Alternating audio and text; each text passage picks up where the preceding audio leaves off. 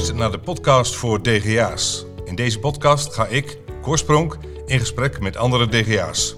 Over hun successen, maar ook over de moeilijke periode. Ga ervoor zitten en laat je inspireren. Vandaag ben ik in gesprek met... Frans van der Kolk van de VDK-groep. In IJsselmuiden ben ik hier bij jou. Het is eh, vandaag 7 oktober. We kennen elkaar volgens sinds vorig jaar omdat we allebei ambassadeur zijn van eh, MKB Nederland Regio Zwolle. Ja, Jij van ambassadeur dan van Kamp is dat dan? klopt. En ik van Dronten. Ehm, ik zie je 46 jaar bent. Ik heb even je wat gegoogeld. 46 jaar. We komen zo meteen nog bij alle bedrijven die je in de afgelopen jaren ehm, bij elkaar hebt gevoegd. Ontzettend knap. Woon in Kampen, getrouwd met Claudia, zag ik. Een dochter en twee zonen. Klopt. Eh, hobby's. Voetbal, denk ik. Ja, voetbal, meer? Voetbal is niet alleen mijn hobby, ook nog een passie. Ja. Kijk, nou mooi. Eh, eh, voetbalclub zal dan zijn, zal ik denk Pek Zwolle. Ja, Pek Zwolle en eh, lokale voetbalvereniging Go Ahead Kampen. Ooit Kampen. Ja. Muziek. ja, muziek. Ehm, ik hou eigenlijk wel van alle soorten muziek. Maar zoals U2, Kensington dan en, en is een beetje de favoriet in de auto. Ja. Ja. Eh, wat voor auto heb je? Ik heb een Range Rover. Range Rover. Ja. Lees je wel eens boeken? Nou, eigenlijk niet. Nee, ik eh, lees wel eens vakliteratuur in die zin dat... eh, en ook wel eens economische literatuur, zoals een Elsevier. Of, maar eigenlijk lees ik nooit boeken. Ik heb het een tien jaar geleden voor mij wel eens een keer een boek meegenomen op vakantie. En dan las ik hem ook wel uit, maar ik kreeg er geen inspiratie van. En ik ben meer van, van korte nieuwsberichten, korte dingen. En en eh, met, met name gewoon eh, met mensen spreken en informatie op die manier opdoen. Dus boeken lezen is niet echt mijn stijl. Nee, Kan ik ook oké. mijn rust niet voor vinden trouwens. Nee. Nee, we hadden het net al over hè, een podcast luisteren. Dat is eigenlijk ook, ook iets wat... Ja, deze podcast die ga je natuurlijk naar ja, die ga ik luisteren. wel luisteren, ja. Ja. ja. ja. Nou, dan- ja. Nee, ik heb wel bij Business News Radio, en daar heb je dan de podcast. Dus zo ben ik, eigenlijk, ben ik er ook wel opgekomen Ja. om eh, dat meer te doen. Maar ja, dan moet je wel lang een stuk in de auto zitten. En zeker nu bijvoorbeeld met de corona. En je, dat je vooral eh, thuis moet werken. We zitten hier op veilig afstand. Maar eh, heb je een idool waar je tegenop kijkt?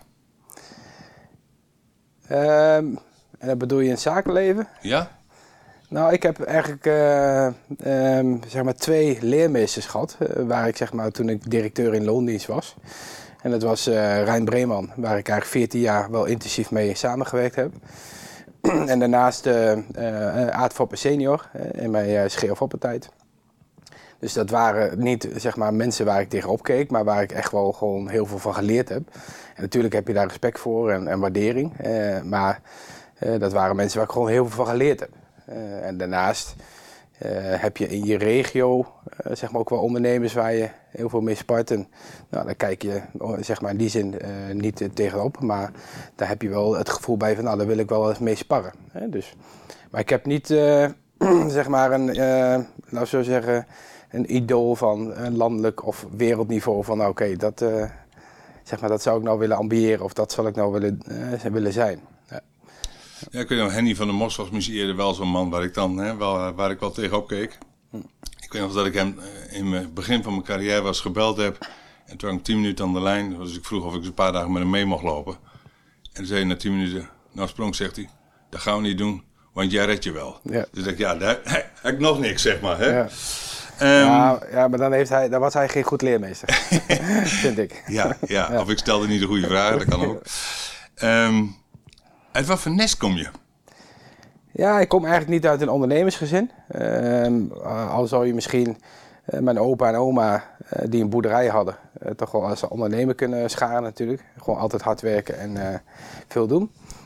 maar ehm, ja, ik ben hier opgegroeid in Kampen, in een eh, volksbuurt. en uiteindelijk eh, ben ik meegegroeid met mijn eh, vader en moeder, eh, met ons gezin.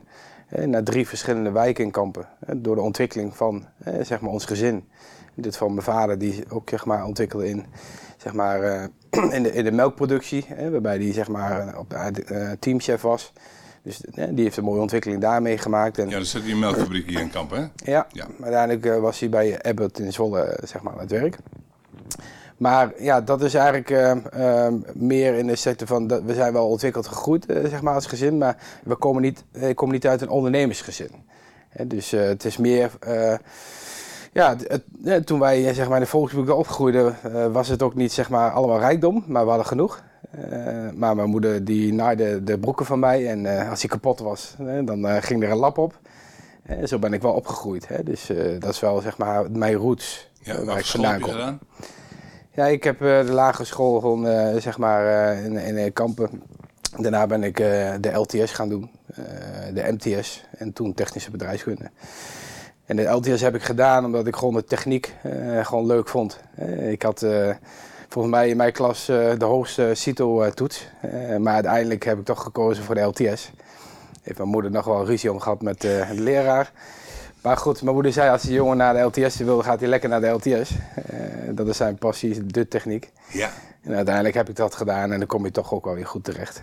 Dus naar de LTS, MTS en toen technische bedrijfskunde aan de hogeschool. Ja, ik zag er inderdaad uh, commerciële technische bedrijfskunde. Ja, dat was toen eigenlijk net een beetje een opkomst. En de techniek gecombineerd met een stukje bedrijfskunde, een stukje commissie. Uh, en dacht van, nou, dat is echt iets voor mij. Ja. ja. Heb ik in Enschede gedaan en uh, toen heb ik ook Twente leren kennen en ook Grols leren drinken. Ja, ja. maar uiteindelijk heb ik daar een mooie tijd gehad en dat was het is ook eigenlijk de enige periode waarbij ik in Kampen weg ben gegaan. Dus eigenlijk, Kampen ligt ook wel mijn roots. Hè. Ben ik geboren. En eh, ben ik getogen en dan woon ik nu nog steeds. Ja, oh, je met hele studie heb je bij een buurt van Enschede gewoond? Ja, daar heb ik daar gewoond. Ja, ja. oké, mooi. wat, wat voor een leerling was je dan? Was je iemand die in de groep altijd al vooruit liep? Of was je degene die gewoon de slimme dingen zei? Of was je een doener? Ja, ik was, ik was een combinatie van... Uh, uh, ik kon best wel goed leren. ik was een strever. Ik wilde altijd overal de beste zijn. En daar word ik nog wel eens over aangesproken van uh, oud-leerlingen, zeg maar, die ik nog steeds wel goed ken. Uh, of die ik af en toe een keer tegenkom. en uh, dat is wel een beetje synoniem, zeg maar, hoe ik ben. aan de ene kant ja, probeer ik bij iedereen altijd wel contact te hebben. maar ik ben wel iemand die ja, probeert het goede voorbeeld te geven. en ja, gewoon het beste eruit te halen, maar ook wel een streven om dingen goed, zeg maar, om dingen te bereiken. Ja. dus dat, dat herken ik ook wel zeg maar, als ik terugkijk naar mijn uh, periode op school. Tot en met nu. Hè, dus ja, weliswaar uh, kon ik natuurlijk met twee vingers in de neus de, de LTS door. Maar ik had allemaal wel acht, negen, tienen. En, uh, maar ik had ook wel een hele, hele, leuke tijd daardoor. Omdat je natuurlijk dan heel veel tijd overhoudt om andere leuke dingen te doen. Ja. Maar als je bijvoorbeeld in zo'n in zo'n groepje zat, en, want op school moet je nou toch leren, je wel op de hogeschool, om dingen samen te doen. Ja. Wat was dan meestal, was jij dan meestal de voorzitter? Of was je de planner? Of was je... Ja, ik was wel de leider, zeg maar. De leider om eh, met een groepje eh, als team dingen te bereiken. Ja. ja ik ben ook wel benieuwd straks. En we gaan straks over je bedrijf hebben en hoe jij dat dan doet. Want je hebt het over hè, dat je een, je hebt een aparte organisatiestijl die, ja. die je, nou, ik denk zelf ook wel hebt ontwikkeld of zelf hebt doorontwikkeld. Interessant. Heeft de school je daar heel veel, als je nu terugkijkt, heel veel handvaten voor gegeven? Ja, ik denk dat, dat uh, in, de, in de periode van school dat je eigenlijk leert zeg maar, waar je goed in bent en uh, wat je leuk vindt. En dat heeft niet te zeggen dat je direct weet wat voor functie of zo, maar dat je wel ziet van hè, hoe sta je zelf in de maatschappij, hoe, hoe ga je om met, met mensen, ehm, hoe goed kun je leren, wat voor niveau haal je zelf. Um, maar wat vind je zelf ook leuk? Hè? En dat, dat pas je dan wel weer toe zeg maar, in je verdere loopbaan. En dat, dat, ja, eh, als je op de LTS zit, realiseer je dat nog niet. Maar als je terugkijkt, dan is dat wel wat het is. Ja. ja. En wat was je dat je van school kwam? Uh, dat was in 1997. toen was ik uh, 23. En toen ben ik uh, zeg maar afgestudeerd bij de Hogeschool Enschede. Ja. En toen ben je bij Breeman Leesat terechtgekomen? Ja, nou in eerste instantie ehm, en dat heeft ook met streven te maken van ik wil wel het beste eruit halen. Ik ben ook cum laude afgestudeerd. In die zin, uh, dat, uh, ja, dat was ook iets wat ik wel uh, zeg maar bereiken. Ja. Um, en toen na mijn studie was ik eigenlijk... Um, ja, um, was best wel in de goede tijd van de economie. in 97 en eigenlijk... in onze richting had je de keuze van of je gaat naar een soort corporate bedrijf, zoals een KPN, Philips of enzovoort, als een soort technisch account manager of die richting op. Maar ik had ook wel uh, in mijn uh, tijd dat ik op school zat, ook heel veel stagebanen gedaan. Of, uh, of ook wel gewoon zeg maar vakantiewerk. Ja. Dat was ook bij Breeman. En daar heb ik ook vakantiewerk gedaan. Nou, en uiteindelijk sprak me dat wel aan. de techniek natuurlijk en de installatietechniek met name. En toen dacht ik van nou, ik schrijf gewoon een brief naar, zeg maar in dit geval naar Bremen toe. En, en gewoon een sollicitatie. Van joh, ik wil eigenlijk wel bij jullie aan de slag dat was ook mooi, omdat uh, bij Goed Kampen zat iemand uh, die ik dan weer kende. In dit geval was dat Frits Prins. Die had een aannemersbedrijf, Wensike Prins. En die zei, joh, weet je, ik, ik ken de mannen van Brema wel, dus ik ga wel even bellen voor je. Ja. en, en, uiteindelijk zat ik de, nou, de, dezelfde week nog bij Rijn Breeman aan tafel. toen heb ik ook al gezien dat het hebben van een kruiwagen en netwerk, dat het ook wel heel belangrijk is, hè, toen al. Ja in dit geval een lokale voetbalvereniging die je dan ook weer voorthelpt. Ja, ja. En uh, ja, toen uh, ben ik direct begonnen bij Bremen als een soort trainee. Rechterhand van Rijn Breeman. en dat, uh, na, ik denk drie, na vier, vijf maanden had ik daar heel veel hand- en spandiensten gedaan voor, voor Rijnd. En toen zeiden we, joh, weet je, we willen nog wel een vestiging gaan starten in Lelystad. wil jij dat doen? wil jij dat gaan leiden als vestigingsleider? en toen zei ik van, nou, mooi, goed. Ja, Gaan we doen. Hè? Ja, ja. En uh, ja, dat was de start zeg maar, van uh, mijn loopbaan. Nou, zijn van, uh, dan mag je een eigen zeg maar, afdeling, CQ, was gewoon een BV, eigen BV runnen. Ja, Zou... wat had hij toen een aparte specialiteit? Ik weet dat Bremen de ene zit wat meer de woningbouw, dan wat meer ja. de utiliteit. Ja, dit was met name de, een servicebedrijf. Een service in, eigenlijk in klimaatinstallaties, verwarming, ventilatie. En nou ja, dat was met name zeg maar, in de woningbouw. Eh, dus dat was de, eh, zeg maar specifiek in, die regio met dat eh, product. Ja. ja. Ik wil heel even terugkomen op dat, op dat, op dat streewerk. Hè? Ja. Komt dat vandaan omdat je denkt van ik kom wat meer bijvoorbeeld uit een arbeidsgezin en ik zal laten zien dat ik, dat ik het toch kan? Of was, was, daar, was dat tussen vrienden dat je zelf van ja, ik, hm. ik zal laten zien wat ik waard ben? Ja, weet ik niet. Ik denk dat het zeker eh, te maken heeft met je oorsprong, waar je vandaan komt. Uh, ik, ik ben opgegroeid met uh, drie jongens, hè, dus ik heb twee broers.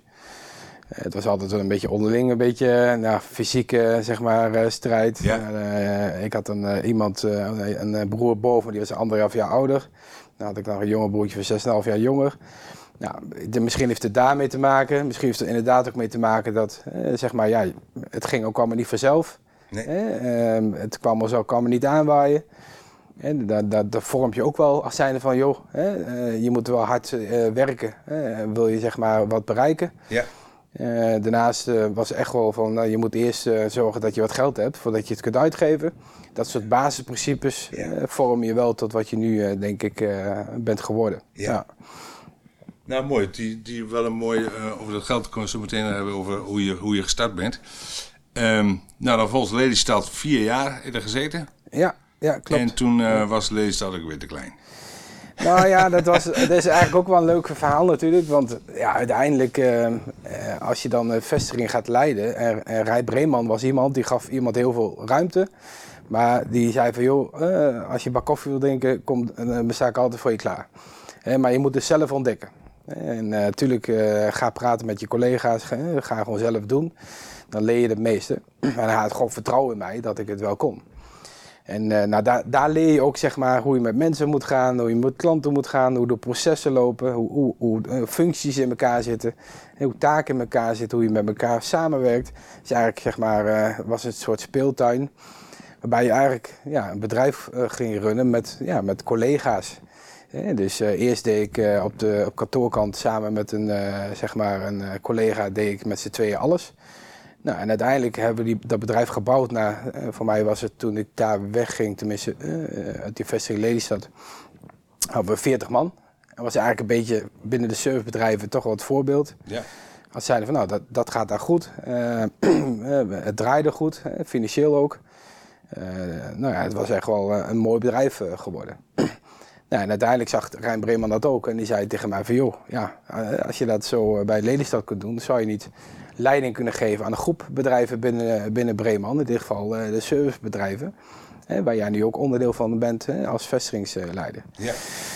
Ja, dat, ben je geen 30 man. Ja, nou ja, ja dat, dat was in het jaar, uh, dat was ik 26, 27. Ja. ja. Ja, ja, kijk, weet je, ik denk ook dat, uh, zeg maar, leeftijd zegt dus eigenlijk ook niks dan? Nee, nee leeftijd zegt niks. Eh, je hebt wel, ja, die zin, uh, voor, de, voor de carrière die ik heb gemaakt, is het vrij snel gegaan. Maar je hebt wel natuurlijk kennis en ervaring nodig. Ik noem het altijd de 10.000 uur regel. Uh, van, je moet wel iets 10.000 uur gedaan hebben. Zeg maar, wil je het echt zeg maar, begrijpen en wil je het ook zeg maar, kunnen. Hè? En ook de kennis en ervaring in hebben. Ja. nou, dat houdt in dat uh, uh, sommigen maken 10.000 uur in vijf jaar, maar sommigen in drie jaar. Ja. dus dat is ook zeg maar de vlieguur die je maakt, maar ook de snelheid zeg maar, van sommige mensen. en dat, dat heeft daarmee te maken dat zeg maar, op het moment, dat jou, jou, jouw leermeester, of in dit geval jouw leidinggevende, vertrouwen heeft in jou, omdat hij gewoon ziet van joh, hij kan het gewoon, hè, dan, dan kan het soms snel gaan. Ja, en wat was dan wat Rijnt in jou zag? Of Rijnt? Ja, Rijnt, ja. Ja, Wat was die in jou zag? Was, was het dat je de commissie aanvoelde, dus de, de, de klantkant? Of was het dat je uh, juist dat hele processen van, van een bedrijf bouwen, van, van 0 naar 40 in drie jaar? Mm -hmm. nou, dat, is, dat is knap. Ja. Moet hand, hè? je moet er wel werk voor hebben voor al die 40 man. Hè? Ja, ja, ja. ja, ja. Nou, weet je, dat, en, uh, dat, is, dat is een combinatie van factoren. Dus, uh, maar uiteindelijk gaat het erom dat, dat ehm, als, je, als iemand ehm, zeg maar leiding geeft. En daar heb ik zeg maar, uiteindelijk ook met heel veel theorieën wel een, zeg maar, een plaatje kunnen geven bij mij. En ik kijk altijd naar vier dingen. En is iemand integer? Heeft hij zeg maar, de juiste intenties? En heeft hij de juiste competenties? En maakt hij resultaat? En dus eigenlijk die vier dingen, die zijn voor mij ook een leidraad voor mensen. dus um, de, de, eerste twee dingen is, heeft natuurlijk een beetje, of een beetje met de mens zelf te maken. Hè? Of je integer bent. En, uh, dus, dus dit zit in de mens zelf. En um, als je dezelfde intentie hebt, is het ook een beetje uh, zeg maar in de, in, de, in de, mens zelf. En daarna komt de competenties en, uh, en resultaat maken. dus met andere woorden, als jij de juiste competenties voor de job hebt, en je hebt die andere dingen ook, dan maak je uiteindelijk wel resultaat.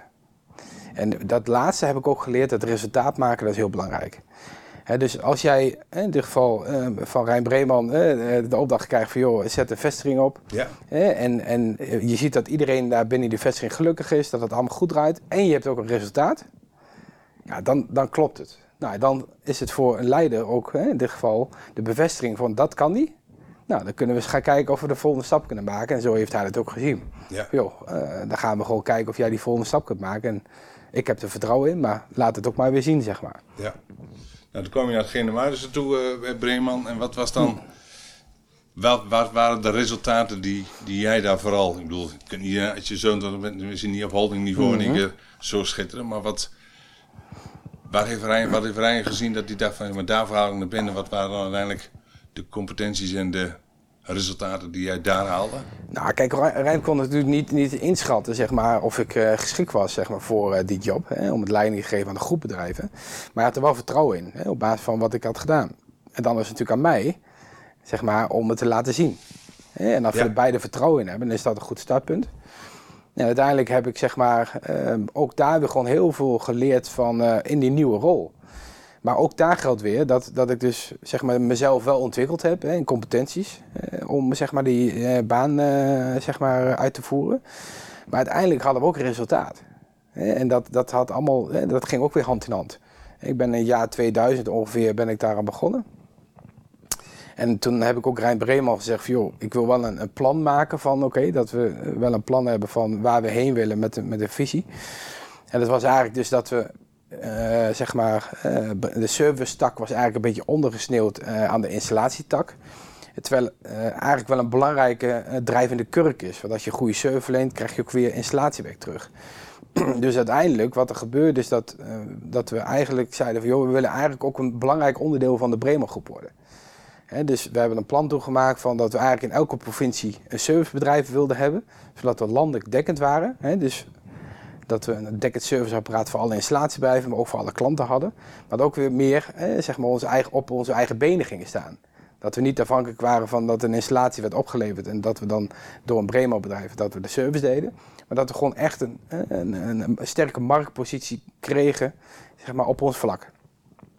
Nou, en uiteindelijk hebben we dat in tien jaar uitgerold door eh, een aantal bedrijven over te nemen, uh, zeg maar bedrijven op te starten, nieuwe producten te introduceren. nou, dat is eigenlijk zeg maar, het startpunt geweest zeg maar, toen we zeiden van oké, dit is het plan. En Rijn Bremer zei van nou, mooi plan, voer maar uit. Ja. En dat, dat was eigenlijk zeg maar wat er gebeurde. Ja, ja.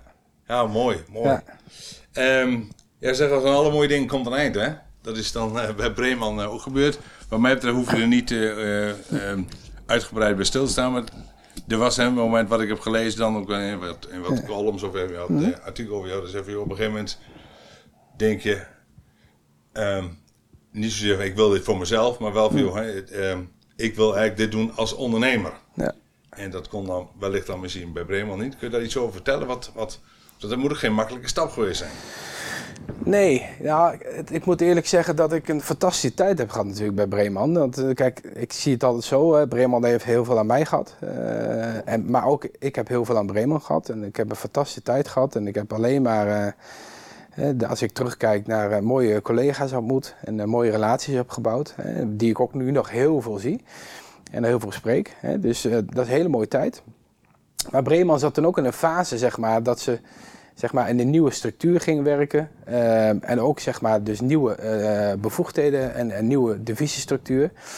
Uiteindelijk merkte ik zeg maar, dat ik in de hele structuur, dat zeg maar, uh, de kant waar ze op gingen, ja, dat dat toch een beetje zeg maar, niet meer paste bij mij. En ik kreeg ook met, met wat collega's zeg maar, daar wat meningsverschillen over. Ja, en toen, toen dacht ik voor mezelf, joh, eigenlijk voel ik voor mezelf hè, dat ik voor mezelf wil beginnen. misschien is dat wel een goed moment. Ja, en uiteindelijk uh, ben ik ook op dat moment, hè, want de mensen voelen dat, uh, de markt voelt dat soms, hè, als je ergens een gesprek hebt. Toen werd ik ook gebeld door, uh, door de familie Foppen. Van joh, wil je niet bij ons komen werken als algemeen directeur van installatie bij Van Harderwijk? Ja, en, en, toen dacht ik van ja, eigenlijk wil ik voor mezelf beginnen. En ehm, maar het is ook wel even mooi om en dan even uh, bij Breeman eruit te stappen en dan even te kijken bij een ander bedrijf hoe het gaat. En uh, ook een mooie opdracht om dat zeg maar, bedrijf weer op de kaart te zetten. Dus dat heb ik wel gedaan. Maar ik ben toen in 2011 zeg maar, daar naartoe gegaan. Maar eigenlijk in 2010 zat ik in een fase van om te oriënteren om voor mezelf te beginnen. Nou, toen heb ik gewoon een shortlist gemaakt van bedrijven die ik zou willen overnemen om te starten voor mezelf. Ja. En uh, dat heb ik ook gedaan met vijf uh, zeg maar, uh, DGA's. nou, uiteindelijk die gesprekken heb ik gedaan, maar ik ben daarna wel begonnen bij Scheer Foppen omdat ik eigenlijk bij Bremen wilde ik gewoon weg, want dat ging ook aan mezelf klagen. dus het was beter dat ik even zeg maar, wat anders ging doen. Nou, bij Scheerfoppen toen gestart. En eigenlijk ben, was ik daar na een jaar, zeg maar, werd ik gebeld door de DGA van, van drie bedrijven in Kampen, die ik ook gesproken had om over te nemen. Ja. En die zeiden van, nou, je mag mijn bedrijf wel overnemen. Na jouw gesprek heb ik er echt over nagedacht. En uiteindelijk uh, vind ik dat uh, jij mijn bedrijf wel mag overnemen. Natuurlijk uh, moet er wel even een traject voor ja. ja. zeg maar, aangegaan worden. Dus, maar ja, toen zat ik natuurlijk, uh, het spagaat niet, maar ik had echt, zeg maar, een mooie opdracht om algemeen directeur, om de bedrijfsgever weer op de kaart te zetten. En daar heb ik ook gewoon, zeg maar, ook een mooie tijd gehad. Uiteindelijk heb ik daar drie jaar gezeten. Een bedrijf zeg maar, op de kaart gezet. Uiteindelijk ben ik voor mezelf begonnen. Dat verhaal vertel ik zo nog wel even, want dat ging niet zomaar in één keer. En toen heb ik ook zeg maar, bij mijn netwerk iemand daar gekoppeld uh, aan Scheer Foppen. dus uh, waarvan ik dacht van nou, die, uh, die kan die baan goed uitvoeren. Ja. als algemeen directeur. Dus je kan mijn stokje overnemen. Dus die hebben gekoppeld aan de familie. Nou, en uiteindelijk is dat zo gegaan. Dus, ja. Dus dat, dat is een beetje de tussenstap die ik toen gemaakt heb in de zoektocht van oké, wat ga ik nu doen? Ja. Is bijvoorbeeld een bedrijf, als een Bremen, maar ook andere bedrijven, is dat op een gegeven moment omdat dat zo groot is, ik bedoel, we komen zo meteen wel op mm hoe groot de VTK-groep ja, nu ja, is, ja, maar dat het, en dat er misschien heel veel in de familie, heel veel mensen mogen meepraten, dat het daardoor ook wel eens een, net een olietanker is wat, wat moeilijk te sturen is, of moeilijk nou, Als ja. er een kant op gaat dat dat moeilijk is bij te buigen? Nou, het, het heeft te maken met, um, en dat kom ik zo inderdaad wel even op bij mijn eigen model. Ik denk dat je heel goed moet nadenken hè, wat, wat je bestaansrecht is als bedrijf. Uh, welke structuur je daarbij kiest. En uiteindelijk welke zeg maar, kernwaarden daarbij horen. En de kernwaarde heeft ook weer te maken met de cultuur dan in je bedrijf. En, en op een gegeven moment, en in die soort um, uh, overgangsfase waar Breman nu zit, Ja, daar is zeg maar bewust of onbewust, hè, dat, dat kan ik ook niet goed uh, herleiden. Maar um, is er iets ontstaan wat niet meer zeg maar, aan te denken past niet meer bij hè, de Brema-structuur, bij, bij wat ze bedacht hadden.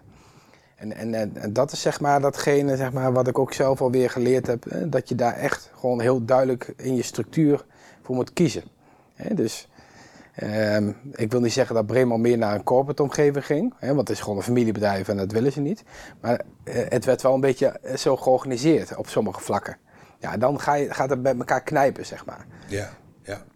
Maar ja, dat is toch een beetje natuurlijk, je bent op een gegeven moment ben je, echt te groot voor een servet. En misschien nog te klein voor tafellaken. En waar liggen, hè, er zijn allerlei gradaties waar je in komt. En um, super interessant om zo meteen te horen hoe jij, um, hoe jij daarin staat. Ja. Um, ik zei net ook al uh, in het voorgesprek, toen wij 340 man personeel hadden op acht vestigingen. Ja, dat, dat was uiteindelijk wel ook wel met wat overnames. Maar we hebben ze allemaal direct wel gekozen dat het onder, onder eenzelfde naam ging vallen, zeg maar om het ook wel wat beter aan uh, te kunnen sturen. Um, maar ik ben heel benieuwd hoe, jij, hoe jij dat, uh, dat ziet. Um, op je 39ste gaan ondernemen. Op dit moment VDK installatiegroep, zeg even hoeveel FTE's? Ja, we hebben bijna 600 FTE's. Uh, 23 bedrijven. dus dat is zeg maar de aantallen. Ik ga er even een paar noemen. Want ja, je weet juist wensen waarschijnlijk, maar dan kun je, kun je straks zeggen wat ik vergeten ben. Uh, begonnen hier volgens mij in Essemuiden met ETB, Johan te Brinken, Wesco en Schuurman techniek. Uh, in 2013 was dat. Ik zie dat er wat verschillende periodes zijn waarin er dan weer wat overnames zijn. Ik ben ook benieuwd hoe dat dan gaat. In maart 2016 Veldhuis Elektrotechniek Emmeloord en Keizers in Oldenzaal. Dus dan ben je eigenlijk al even, nou even wat verbreed ook uh, geografisch. April 2017 uh, in Kampen. Dat lijkt dan even een vreemd een in de bijt maar ook leuk om zo te horen. Hanse projectinrichting en Plender Totaaltechniek. In mei 2017 daarachteraan nog een installatiebedrijf Borggereven, Haaksbergen. Toen eventjes, eigenlijk bijna een paar jaar niet. Januari 2019 weer drie. VNM, Regeltechniek Apeldoorn, installatiebedrijf Hoekstra Herenveen, ITR Groep in Raalte. Een jaar later Blankenspoor in Putten en Heluto in Diever. Dus dan ben ik het, uh, richting het Drentse gekomen. Volgens mij ik, uh, raak ik er nu een paar die ik wel heb overgeslagen. En februari 2020, dus ook nog dit jaar, de afbouwcombinatie. Kuiper Koudtechniek en Raalte. En onlangs zag ik vorige week volgens mij KNB installatietechniek in Sint-Nicolaas ga. Ehm, je komt bij Breeman weg. En dan zeg je tegen je vrouw, ik weet niet hoe oud, toen was je 39, dat je net kind, zat je net in de kinderen? Nee, toen had ik uh, al twee kinderen. Twee kinderen? Ja, ja. En zegt die vrouw, nou, en nou ga ik voor mezelf beginnen. Ja, ja, ja, ja, ja. Ja, dat is uh, een bijzondere periode geweest. En uh, een hele leuke periode, een leerzame periode. En ik heb toen ook wel geleerd, en dat is ook wel fijn, hè, dat je daar thuis zeg maar, commitment over hebt. Dat dat eigenlijk uh, heb ik toen gezegd, joh, we kregen toen ook een, uh, een derde kind. Uh, en toen hebben we eigenlijk samen besloten, mijn vrouw en ik, dat ik kon gaan ondernemen. Of ik ging ondernemen. En mijn vrouw ondersteunde mij daarbij door ook te zeggen, joh, dan, dan ga ik thuis alles regelen. als zeg maar manager, leider, om, om het thuis allemaal goed te organiseren. Want we hadden wel gezegd, we willen wel rust in het gezin creëren. Dus dat vinden we wel belangrijk. dus nou, ik wil niet zeggen dat mevrouw daar ondergeschikt uh, zeg maar, was. Want ik vind, zeg maar, mevrouw Claudia, die, weet je, als ik haar niet had, had ik dit ook niet kunnen doen. Dus dat is heel helder. En dat hebben we ook thuis, zeg maar, halen we daardoor rust. En, maar thuis had zeg maar, mevrouw ook gewoon heel veel dingen zeg maar, daarbij opgepakt. Je kunt natuurlijk heel veel met school doen? Met, met commissies, met werkgroepen enzovoort. Dus daar heeft zij zich op gestort door zeg maar, alles thuis goed te regelen. Dus dat heeft mij heel veel rust gegeven om de volgende stap te maken, om, om, eh, om eigen bedrijf te starten. En uiteindelijk dat eh, zeg maar als ondernemer te beginnen. Want ik denk, als je daar niet zeg maar, met elkaar zeg maar, thuis over eens bent, dan wordt het een heel lastige. Ja, dus dat zeg, achter elke sterke man staat een sterke vrouw. Ja. Ja, Rut heeft dan geen vrouw, hè, maar voor de rest uh, is het denk inderdaad heel vaak dat zeker het geval. Ja. Dus zij zei van, van Frans, ik geloof in je, ja. En ik, we gaan samen doen, want dat is eigenlijk dan. Ja, we gaan het samen doen, hè, want dat is het. En toen ben je bij die, je zei vertellen, hè, met die drie DGA's hier in IJsselmuiden. Die zeiden van nou... Ja, er was één, één DGA. Die had drie bedrijven. Oké, En toen, eh, maar dat was, eh, die belde mij op in 2012 en die zei, joh, je hebt mij ertoe gevraagd en eh, uiteindelijk, ja, ik, ik sta open voor dat je mijn bedrijf overneemt. Toen heb ik een, een ondernemersplan gemaakt. En ik heb een financieringsplan gemaakt en ben ik eigenlijk met die twee plannen ben ik de banken rondgegaan. Maar dat was natuurlijk eh, in een best moeilijke tijd. In 2012 was net zeg maar die recessie gegaan. In onze branche was het toen ook best wel lastig. In die zin hè, was teruggegaan van volgens mij 18 miljard omzet naar ongeveer 14 miljard omzet. Dus er was nog steeds 14 miljard. Maar er was wel wat krimp natuurlijk in de markt. Dus bij de banken stonden toch de bouw en installatie eh, allemaal rode kruisjes achter. Dus dat was ja, best wel eh, een lang traject en een, eh, ja, eh, een traject met, met piek en dalen. Want ja, heel veel banken waren toen, die geloofden echt in mijn ondernemersplan en mijn, en mijn verhaal, hè, mij als ondernemer. Maar uiteindelijk kwamen ze niet door die black box heen van, hè, de, van de bank. Aan de voorkant, accountmanagers en de mensen lokaal, die vonden het een topplan en die stonden erachter. ja. Maar ja, toen eh, ze het eh, in gingen dienen, eh, zeg maar eh, intern, dan kwam er uit van, ah nee, we doen het toch maar niet. Stonden alle kruisjes niet, niet meer op groen, zeg Dus dan, Nee. ja, dat klopt. Dus dat was ook wel een, een, ja, een rit van teleurstellingen. Maar uiteindelijk ben ik met de banken die, zeg maar, zeg maar de, de bank die ook de huisbankier was van die bedrijven, de Rabobank, heb ik uiteindelijk na een jaar toch de deal rondgekregen. Dus eh dat was een startpunt voor mij om in eh, 2013 eh, voor mezelf te beginnen. Ja, Ja, een hele leerzame tijd, maar ook weer van niet stoppen, niet opgeven. Want ik ben echt alle banken langs geweest. En ik heb heel veel gesprekken gehad ja. en heel veel informatie aangeleverd. Want je gaat natuurlijk bij alle banken dan al die trajecten in. Dus je moet heel veel informatie aanleveren. Nou, daar leer je ook wel weer heel je veel van. steeds sterker van, zou je kunnen zeggen. Ja, daar werd ook wel steeds scherper van Ja. en sterker van. Maar wel eh, met, eh, met het drive van het gaat me gewoon lukken. Ja, En uiteindelijk eh, bij de Raadbank is het ook niet eh, gelukt in één keer. Want ik, ik weet nog goed, ik zat bij een accountmanager aan tafel. En eh, die zei gewoon tegen mij van... eh, ja Frans, eh, we gaan het gewoon niet doen. En toen zei ik tegen hem, nou oké, dat snap ik. eh, wat er nu op tafel ligt misschien. Maar hoe zou je het dan wel eh, willen financieren? Ja, Zeg, geef me dan aan van hoe je het dan wel eh, wil doen. en toen, eh, toen zei hij gewoon ja, dat gaan we niet doen. Ja, ik zeg, dat, dat is, dat is, dat is zo, zo sta ik niet in het leven, maar Nee. verwacht ik ook niet van jullie. nee, nee, nee. Jullie zijn huisbankier van die eh, bedrijven. Eh, geef gewoon aan hoe je het dan wel zou willen doen. Want dan kan ik weer bij mijn stakeholders overleggen hoe, eh, hoe we dat dan kunnen inrichten. Nou, die zei gewoon, ik doe het niet. Nou, ik zeg, oké, dan, eh, hè, dan is dat moment even het gesprek klaar. Maar dan heb ik wel daarna gewoon even gedacht van... oké, laat ik gewoon zijn leidinggever maar even bellen. Ook weer via mijn netwerk. Ja, uiteindelijk die leidinggevende gebeld, hè, dus de directeur eh, van de bank van eh, toen Raadbank IJsseldelta.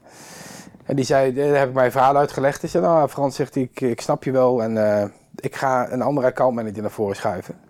En eh, misschien begrijpt hij jouw verhaal beter en misschien heb je daar een betere klik mee.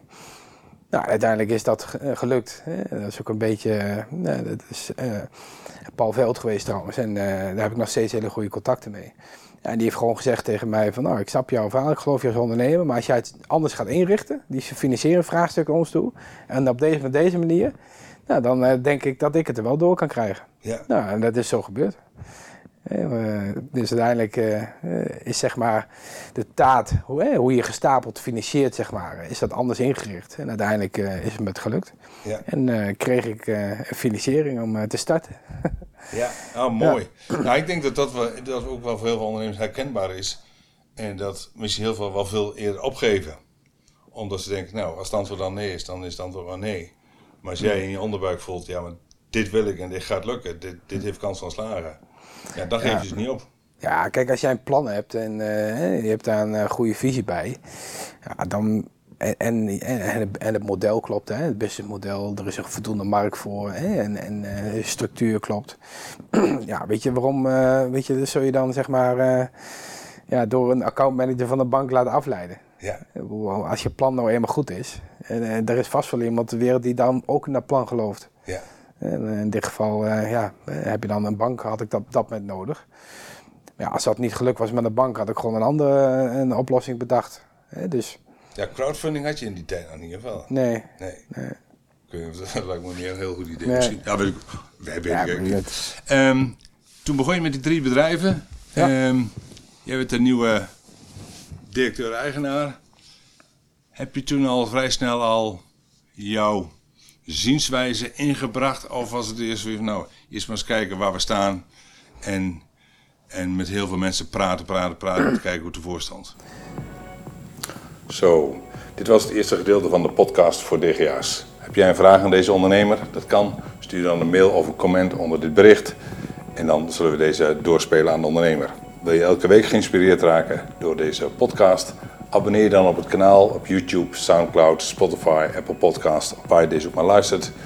En dan word je elke week op de hoogte gebracht als er weer een nieuwe podcast online staat. Dan gaan we nu door naar het tweede gedeelte. Nou, ik denk dat het een mix was. Hè? Want eh, enerzijds had ik wel zeg maar, een model ontwikkeld voor mezelf. van als je dan een bedrijf zeg maar, eh, eh, als ondernemer wilt hebben. Natuurlijk de techniek, hè? de installatietechniek, eh, daar ligt mijn hart. Vind ik een fantastische markt. En ehm, dat, dat is dan één, hè? dus dat je de, de branche die erin kiest. Daar lag ook mijn kennis en mijn netwerk natuurlijk. Maar anderzijds had ik ook wel een model ontwikkeld van hoe je de organisatiestructuur neerzet. eh, maar ook hoe je dan eh, bedrijven onder een groep kunt laten werken. door middel van hoe je samenwerkt. Maar ook zeg maar, wat je dan in de bedrijven moet inrichten en wat je in de holding moet inrichten. Dus dat model dat had ik zo gefine-tuned op basis van mijn kennis en ervaring. In, in mijn Bremen-tijd of in mijn Scheerfoppen-tijd of eh, gesprekken met eh, collega's, zeg maar, directeuren Ja. of ondernemers. Dus ik had wel een eigenwijze blik op zeg maar, hoe je eh, zeg maar, iets neerzet qua structuur. En dat houdt in dat, dat zeg maar, elk bedrijf is zelfstandig. Met de voordelen van een groep. Heeft een eigen zeg maar, structuur. Hè? Dus een eigen organisatiestructuur ook. Hè? Er zit ook een lokale ondernemer op. Hè? Dus een bedrijfsleider. Ja. Die zijn bedrijf ook runt. Hè? En, eh, en, en die runt zijn bedrijf eh, waarbij die techniek als onderdeel heeft. Zijn klanten en personeel. En alles wat daar een beetje van afwijkt, dat faciliteerde ik. Hè? Dus dat regelde ik voor hun. Hè, dus dan moet je denken aan banken, verzekeringen, accountant, eh, aan marketing, ICT. Ik vind ook dat dat, zeg maar, de niet-core activiteiten moet je niet in die, in die bedrijven laten. En daar had ik weer van bedacht dat ik dat allemaal uitbesteedde. Dus met andere woorden, ik ging niet een holding creëren waarbij zeg maar, allerlei afdelingen ontstonden die dat deden. Want ik vind het is niet je core business, dus moet je lekker uitbesteden aan de beste eh, zeg maar, bedrijven die dat eh, op dat moment kunnen. Ja. Dus eh, voor- nou, voor de bank had je accountants, marketing enzovoort. Dus je besteedt dat gewoon uit als een project aan de, beste op dat moment. Dus dat was het model. Ja. Al, al die 27 bedrijven zijn nu, die werken allemaal onder één systeem. Ja, één systeem. eh, Want je hebt natuurlijk wel, als je, hebt, als je het hebt over vastgoed onderhoud en als je het hebt over, over eh, koude techniek en zo. Ik kan me voorstellen dat dat andere rekensystemen, andere planprogramma's misschien zijn. ja, maar dit, dit- kijk, je moet zo zien dat ze zijn wel zeg maar, zelfstandig. En wij dicteren niet hun op, zeg maar, eh, zeg maar alle zaken zeg maar, die, eh, die je vanuit de holding zou willen. Dat was ook mijn gedachte. Om een voorbeeld te geven, eh, iedereen mag zijn eigen EEP-pakket selecteren. Natuurlijk hebben de installatiebedrijven heel veel raakvlakken met elkaar, dus de meeste installatiebedrijven hebben hetzelfde pakket. Maar ik, heb, ik zeg niet vanuit de holding, je moet allemaal hetzelfde pakket hebben. En dus je moet zelfstandig werken en je moet een pakket kiezen wat het beste bij jouw processen passen. En dat is het meest efficiënte. Hè? Dus dan heb je geen maatwerk. En dan heb je echt een ERP-pakket waarbij je past. Ja. En da- dan moet je weer bedenken hoe je dat dan vanuit de holding, zeg maar, de informatie krijgt. Nou, daar heb ik ook iets voor bedacht, dat je dus alle informatie vanuit de ERP-pakketten, zeg maar, gewoon via een, eh, zeg maar, naar boven toe haalt. En, maar dat niet, zeg maar, de bedrijven hetzelfde pakket Daar moeten hebben. hebben, zeg maar. Ja, daar last van hebben. Dat heb ik ook wel geleerd. Dat als je zegt van nou, we gaan met z'n allen over naar één pakket. Ja, dat is voor heel veel bedrijven is dat gewoon, eh, dat werkt dat niet. Want dat, of het sluit niet aan bij de processen. Of het is te traag, of eh, zeg maar, eh, ja, het is niet eh, efficiënt ingericht. Of je moet te veel maatwerk hebben, hè? of te veel andere aanpassingen. Ja, ja. Dus dat is de filosofie erbij. Dus het zijn lokale ondernemers met hun eigen processen, een eigen zeg maar, techniek. En, maar wel met de ondersteuning van de holding. en zo moet je het zien. Is het, zou je kunnen zeggen, want ik, zo heb ik wel een paar voorbeelden hoe dat dan gegaan is. Maar zoals eerst dan die eerste ondernemer die zag jou echt zitten van nou, jij mag mijn bedrijf, jij mag mijn kindje overnemen. Hè? Ja. Dat, dat, moet- daar moet je natuurlijk een goed gevoel over hebben om dat over te dragen. Ehm, en, want de installatietechniek is best wel een conservatieve branche. Maar je hebt dan eigenlijk, ze, ze hebben eigenlijk de dingen die ze gewoon zijn, kunnen ze blijven doen. Maar alles wat, waar, ze, waar ze last van hadden of last van kunnen hebben, dat haal je eigenlijk uit hun handen, zeg maar. Ja. Ja, wij zorgen er echt voor dat zeg maar, de, de bedrijven kunnen ondernemen. Hè? Dus eh, dat ze alle gedoe eromheen, dat dat voor hun eh, zeg maar ontzorgd wordt. Dat wij dat eh, faciliteren vanuit de holding. en ehm, dat, dat zeg maar de core business waar ze mee bezig zijn, dat ze daar volledig op kunnen focussen.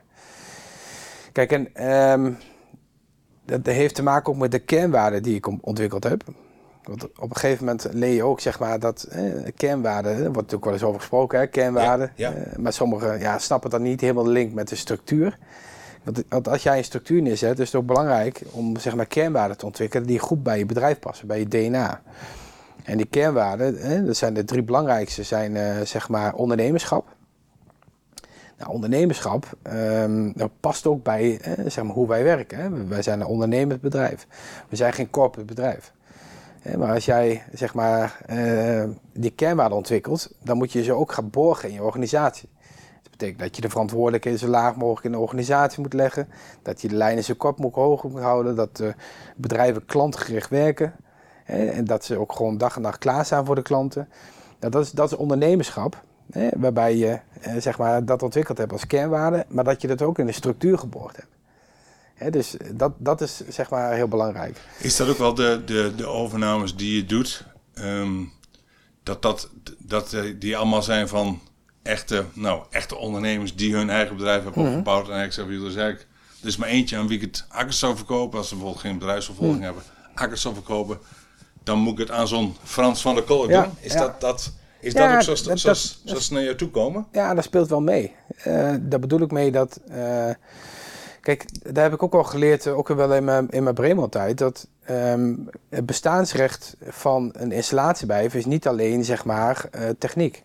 Dat is ook zeg maar de cultuur die in een bedrijf zit, de naam die opgebouwd is in de regio, Ja. waarbij mensen aan verbonden willen zijn hè, in dat lokale zeg maar, teampje. Dus dat betekent dat je dat moet onderkennen en dat je dat ook een plaatsje moet geven in je structuur. Dus ik heb bedacht dat je zegt van als de bedrijven toe worden gevoegd aan, aan, zeg maar de VDK-groep, houden ze gewoon hun eigen naam.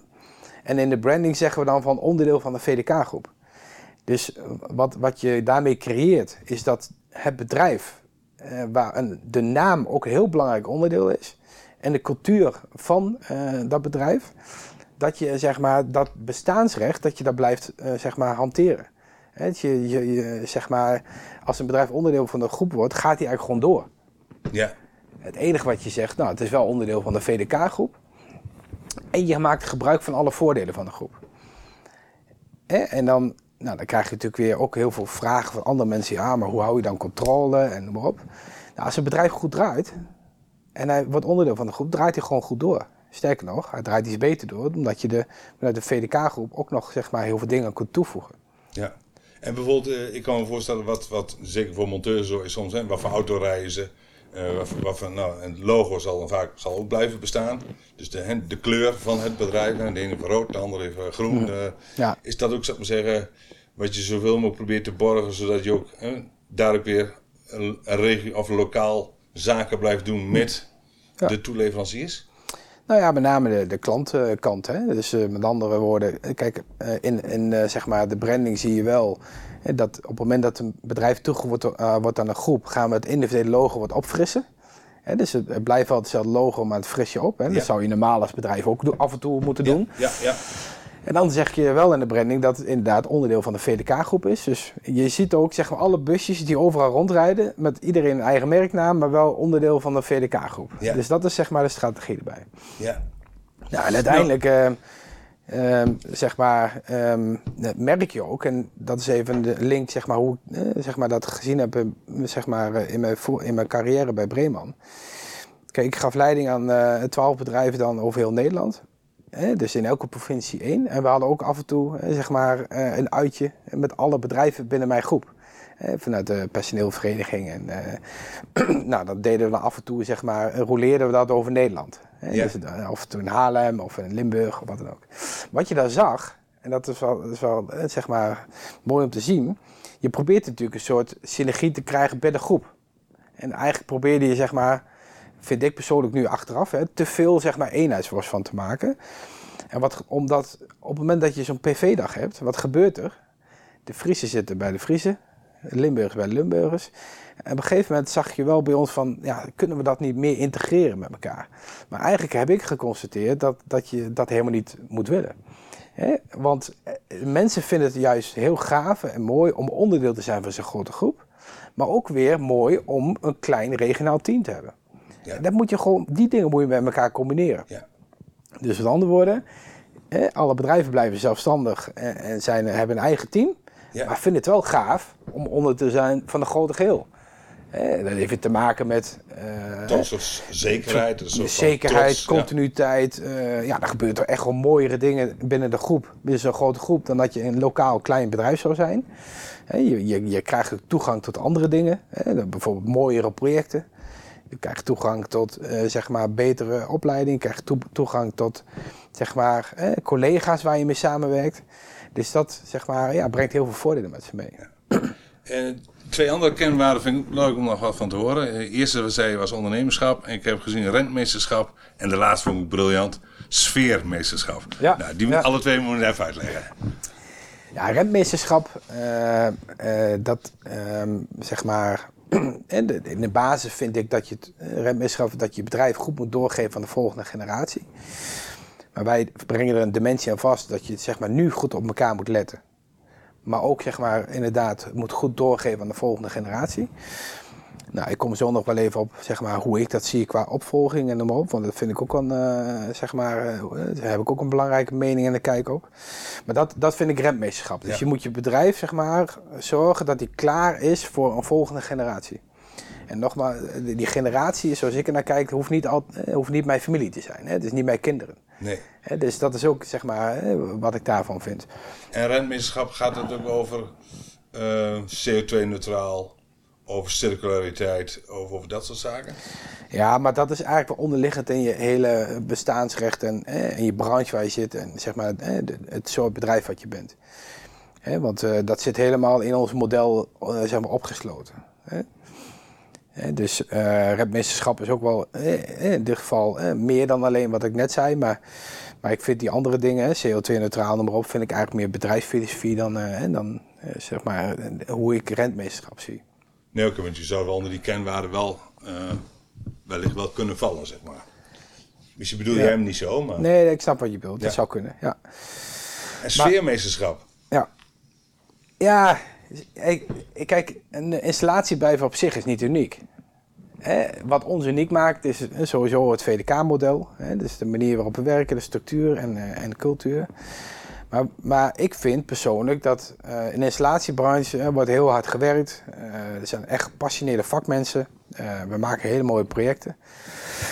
maar wat ik ook vind is dat we, zeg maar, naast dat we hard werken, gewoon ook leuke dingen doen met elkaar.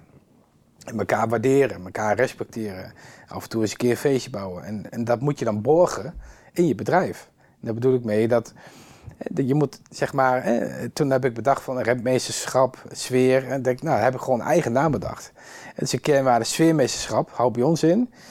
Hè, dat we gewoon vast hebben liggen van, joh, wij waarderen en respecteren, zeg maar, collega's. En daar bedoel ik mee dat als iemand een jubileum heeft, dan gaan we op dezelfde dag dat iemand zeg maar 12 of 12,5 jaar of 25 jaar of 40 jaar bij de zaak is, dan, dan zetten we hem in een zonnetje of, of haar dus dat betekent dat we daar aandacht voor hebben. En we regelen dan dat met het team uh, een taart wordt gegeten, dat er een, eh, een, een komt, hè, dat iemand zeg maar, zeg maar uh, dat we het vieren dat hij dat hij jubileum heeft, slingers, ballonnen, en dat er gewoon aandacht is voor, voor dat moment. En niet dat je één keer per jaar met z'n allen van, oh, we hebben vijf jubilarissen allemaal in een rijtje staan uh, en, en iedereen de hand geven. Nee, op die dag gewoon uh, aandacht geven aan mensen. Ja. Maar ook uh, stilstaan bij belangrijke gebeurtenissen, als het nou een verjaardag is, of het teamuitje, of het VDK-uitje. we hebben ook gezegd, bij het sfeermeesterschap hoort ook dat je als VDK-groep af en toe wat doet. Nou, we hebben bijvoorbeeld vorig jaar december hebben een heel groot feest uh, gehouden in de IJsselhallen. Ook met, uh, met partners, met kinderen en kleinkinderen zelfs. 1300 man las ik. Ja. Ja. Oh. Dus dat was een heel groot spektakel met voor allerlei uh, optredens, met kermisattracties, met eten, drinken. Dus nou, dat, dat bedoel ik mee, hè, sfeermeesterschap. Glennis Grace erbij. ja, dus, uh, ja kon ik ook. Ja. Maar dat heeft ook te maken, dat is ook voordeel van een groep. Hè. Dat kun je niet als individueel klein bedrijf, maar als groep uh, kun je dat dan wel. En uh, dat vind ik sfeermeesterschap. Dat, zeg maar, dat je naast zeg maar, gewoon hard werkt en, en gave dingen doet. Dat je ook gewoon met elkaar feestjes bouwt en mensen waardeert en de zonnetje zet. En, maar is het, um, als je 40 man hebt, Frans, dan ken je ze allemaal nog wel bij naam. En misschien zelfs de naam van de partners nog. Kinderen worden wel lastiger met 40. Maar als je 600 mensen hebt, dat betekent dat je gemiddeld twee, twee personen per dag in je onderneming die al jarig zijn, zeg ja, maar. Ja. En gemiddeld gezien. Ja, klopt. Dan is het, het, In hoeverre vind jij nog belangrijk dat je ze allemaal kent? Ja, ik probeer um, kijk, de basis, zeg maar, hè, de mensen die nu zes of zeven jaar onder de groep zitten, die, uh, die ken ik allemaal. Hè. Ik probeer ook gewoon uh, vanuit mijn rol iedereen, uh, probeer ik ook te leren kennen. Dus als een bedrijf aansluit, ja, dan ken ik ze natuurlijk in beginsel niet allemaal. Maar nee. doordat je gewoon, gewoon zelf heel betrokken bent en bij projecten bent, bij, bij, bij feestjes bent, bij zo'n lokaal bedrijf, dan, dan leer je ook wel mensen kennen. Ja. En, en natuurlijk, um, als je zeg maar 600 mensen uh, kent, dan, dan kun je ze niet meer zo goed kennen dat je zeg maar uh, je, je in de cirkel hebt. En dus je kent ze inderdaad wel op, meer oppervlakkig, maar uiteindelijk ken je ze wel allemaal. En dat probeer ik wel te doen. En natuurlijk uh, is het onmogelijk zometeen, hè, als je nog verder doorgroeit, om alles in detail te kennen, hè, met kinderen, kleinkinderen, noem maar, maar op. Ja, ja. Maar het gaat ook om dat je zeg maar open staat eh, als in dit geval eh, zeg maar ondernemer, als eigenaar, dat je ook zeg maar in ieder geval wel de intentie hebt om zeg maar iedereen te leren kennen. Nou, ik zal je een voorbeeld geven. nou, VNM Elektrotechniek, eh, die kwam bij de groep uh, en die was uh, direct daarna hetzelfde jaar, 50 jaar uh, bestond die. Ja, ja. Nou, die hadden al een feest georganiseerd, gingen ze al naar Volendam, met partner erbij. Ja, weet je, dat zijn perfecte momenten voor mij om op dat moment gewoon mee te gaan. Ja. Dus ik heb dan, hè, dat vind ik ook het sfeermeesterschap. Nou, het, hè, dat hebben ze zelf ook goed gedaan. Ja, daar ben ik dan graag bij. En dan leer ik eh, in die dagen dat je dan met elkaar bent, eh, dan leer je toch heel veel mensen kennen. Ja. Ten eerste heb ik iedereen uh, gewoon een handje gegeven en in het gezicht ge gekeken dat ik de naam erbij heb. Daar ben Ja. ik ook wel goed in. Ja, en dat, dat probeer je op die manier te doen. En bij het VDK familiefeest, er waren er 1300 mensen, maar ik stond aan de entree, zeg maar, overal mensen handen te geven. Ja. En, Ja. vind Is, ik ook doe je dat soort dingen bijvoorbeeld, nu had er- doe je dat soort dingen ook met je vrouw? Of heb je een, heb je een secretaresse? Nee, ik heb geen secretaresse. Omdat ik, eh, eh, eh, zeg maar, dat past ook alweer in het model. Dat, ehm, ja, secretaresse ehm, eh, eh, heb je, zeg maar, ter ondersteuning van jezelf. Maar ik heb wel geleerd dat, zeg maar, ehm, die 30% die dan uit handen wordt genomen, of hoeveel dan ook, dat doe ik liever zelf, want dat gaat efficiënter. En dan kun je ook zelf keuzes maken, zeg maar, in de dingen, zeg maar, die je wel in je agenda zet of niet in je agenda Ja. zet. Hè? Ja. Dus, ehm, ja, en- en natuurlijk wat, wat ik vind is dat, dat je ehm, ehm, taken moet bedenken, zeker die passen bij de core business. Hè? Dus met andere woorden, eh, hè, je moet functies hebben die uiteindelijk zeg maar, waarde toevoegen voor je bedrijf. Dat heeft ook een beetje met model te maken. Wij, wij hebben zeg maar de directie van de VDK. Dat wa- was ik eerst zelf. Maar we hebben nu een directieteam van vijf man. Die heeft gewoon, die hebben zeg maar, elk, eh, elk directielid heeft een aantal bedrijven onder zich Ja. die die ondersteunt. En hij heeft één taak die hij doet. De een doet inkoop, dan doet wagenparkbeheer, dan doet vastgoed enzovoort. En daarnaast nog een financieel directeur dan die meer de interne organisatie pakt. Dus iedereen heeft zijn gedeelde verantwoordelijkheid. Maar wel zeg maar dat hij snel kan schakelen. Dus hij heeft eh, zeg maar de bevoegdheid om met zijn bedrijf dingen gewoon dingen eh, op te lossen. Of dingen zeg maar te veranderen of dingen eh, zeg maar te helpen. nou, dus dat is een model. En eh sfeermeesterschap, bijvoorbeeld. Ja, dat is ook core business bij ons, want dat is een kernwaarde. Nou, het is wel grappig dat eh, eerder deed ik dat natuurlijk zelf, hè, al die dingetjes. Maar ja, op een gegeven moment wordt het wat groot. Dus nou, uiteindelijk is dat het moment waarop mijn uh, vrouw ook ingestapt is in het bedrijf. Hè. De kinderen werden wat groter. Ja. En uh, hebben samen besloten dat zij zeg maar met name die taken op zich neemt. dus het sfeermeesterschap zeg maar borgen. Ja, dus goed die zorgt ervoor dat met betrekking tot alle feestjes en waarderingen en de, zeg maar de slingers en ballonnen en de banners en de taarten besteld worden en, en geregeld worden voor de bedrijven. Ja. dus, Jeetje man, 600 mannen geen secretaresse. Nou, daar kan alle directeur nog eens uh, nog wat van leren. Ja. Um, kun je eens vertellen hoe bij jou, hoe, hoe gaat een acquisitie? Dus hoe komt, hè, toen, toen je in SMI was, die, hè, had je wat gesprekken gehad en een jaar of twee jaar later um, zegt die uh, directeur of die eigenaar, Frans, hè, uh, het is tijd. Hoe gaat het bij anderen? Want het is, hè, het is nogal, nogal wat verspreid. Hè? Net Diever en Maputten, Oldenzaal. Ja. Hoe, komt, hoe komt zoiets naar je toe? Of ben je zelf op zoek? Nou, het, ik moet eerlijk zeggen dat uh, 80% eigenlijk naar mij toe gekomen is. Het zijn um, de bedrijven die op een punt staan, zeg maar, van wat, uh, dat ze geen opvolging hebben. Of dat ze het te uitdagend vinden om zelfstandig als ondernemer door te gaan. En eigenlijk uh, sta ik dan op een shortlistje uh, bij dat soort bedrijven om zeg maar, het bedrijf te zijn, om dat bedrijf over te nemen dus eigenlijk uh, ja, inderdaad wel 80% van de bedrijven die zien wat ik doe in de regio.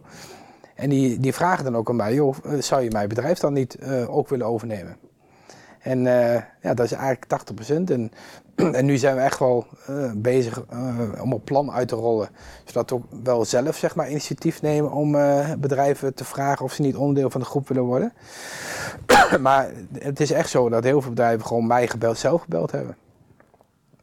Ja.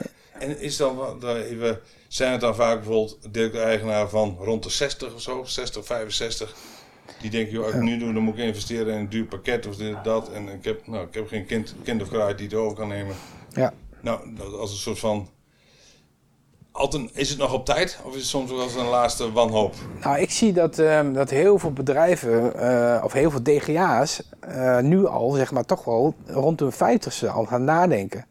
En dat, ik vind het uh, ook een goed moment om na te denken van oké, wat gebeurt er over tien jaar? Uh, wat ga ik met mijn bedrijf doen? Heb ik opvolging? Willen mijn kinderen het opvolgen? Of uh, heb ik iemand in het bedrijf die dat wil overnemen? Dus ik zie heel veel, met name de wat grotere bedrijven binnen de groep, hè, groot bedoel ik ermee, ongeveer 50 man, die, die dan zeg maar eigenlijk al rond de vijfste nadenken van oké, ik heb geen opvolging met mijn kinderen. Uh, ik heb niemand in het bedrijf die het uh, kan overnemen. Wel kan leiding geven, maar niet uh, als ondernemer, als eigenaar. Ik ga op zoek naar een partij waarbij ik nu al kan aansluiten. En ik vind dat eigenlijk ook wel een goed moment, en ook een natuurlijk moment van. Ehm, als je zeg maar bedrijven ziet, wat voor fases je doorgaat. Ik, ik heb ook bedrijven overgenomen waarvan de DGA's uh, 62, uh, 63, 64 zijn. Ja, dat is het verkeerde moment, vind ik. Waarom? Omdat um, ja, je komt toch in een fase terecht dat je naar je pensioen toe gaat werken. Ja. Dat je toch een aantal dingen niet meer gaat doen. Hè? Je, je bedrijf niet meer gaat ontwikkelen. Want ja, het is toch wel een beetje lastig. Uh, je zit op het moment van, uh, van keuze, doe ik het wel of niet over naar de kinderen enzovoort. En voordat je het weet, is het te laat. En als je dan je bedrijf verkoopt, dan zie je toch ook dat je afgelopen vijf jaar ja, weinig onderhoud aan je bedrijf hebt gedaan. Ja. Nou, dat vind ik dus um, eigenlijk het verkeerde moment. Dus je hebt zoiets van het bedrijf die je overneemt, die moet eigenlijk nog volop in de race zitten, zeg maar. Ja, ja ik, ik denk dat je bewust moet nadenken van uh, heb ik uh, opvolging wel of niet?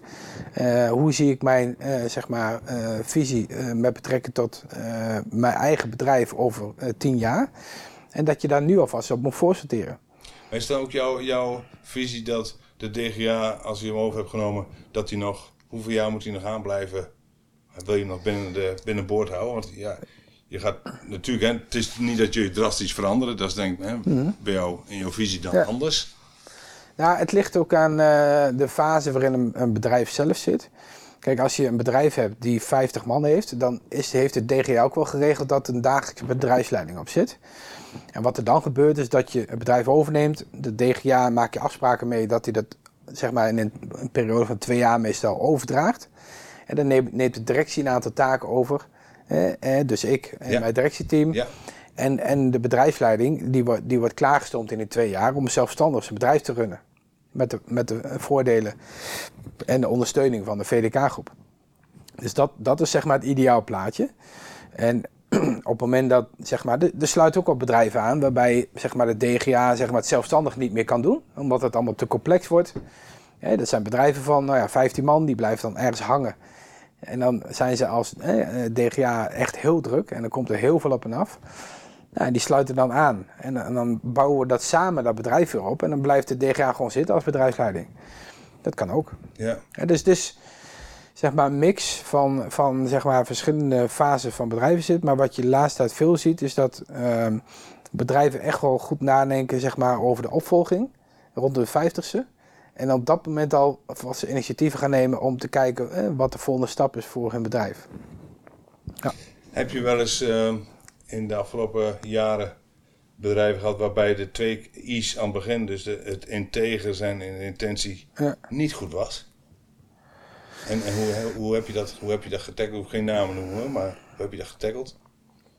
Nou, ik heb niet ervaren dat. Um, kijk, uiteindelijk ondernemerschap, uh, het leidinggeven van bedrijven, dat gaat niet in één rechte scheep omhoog.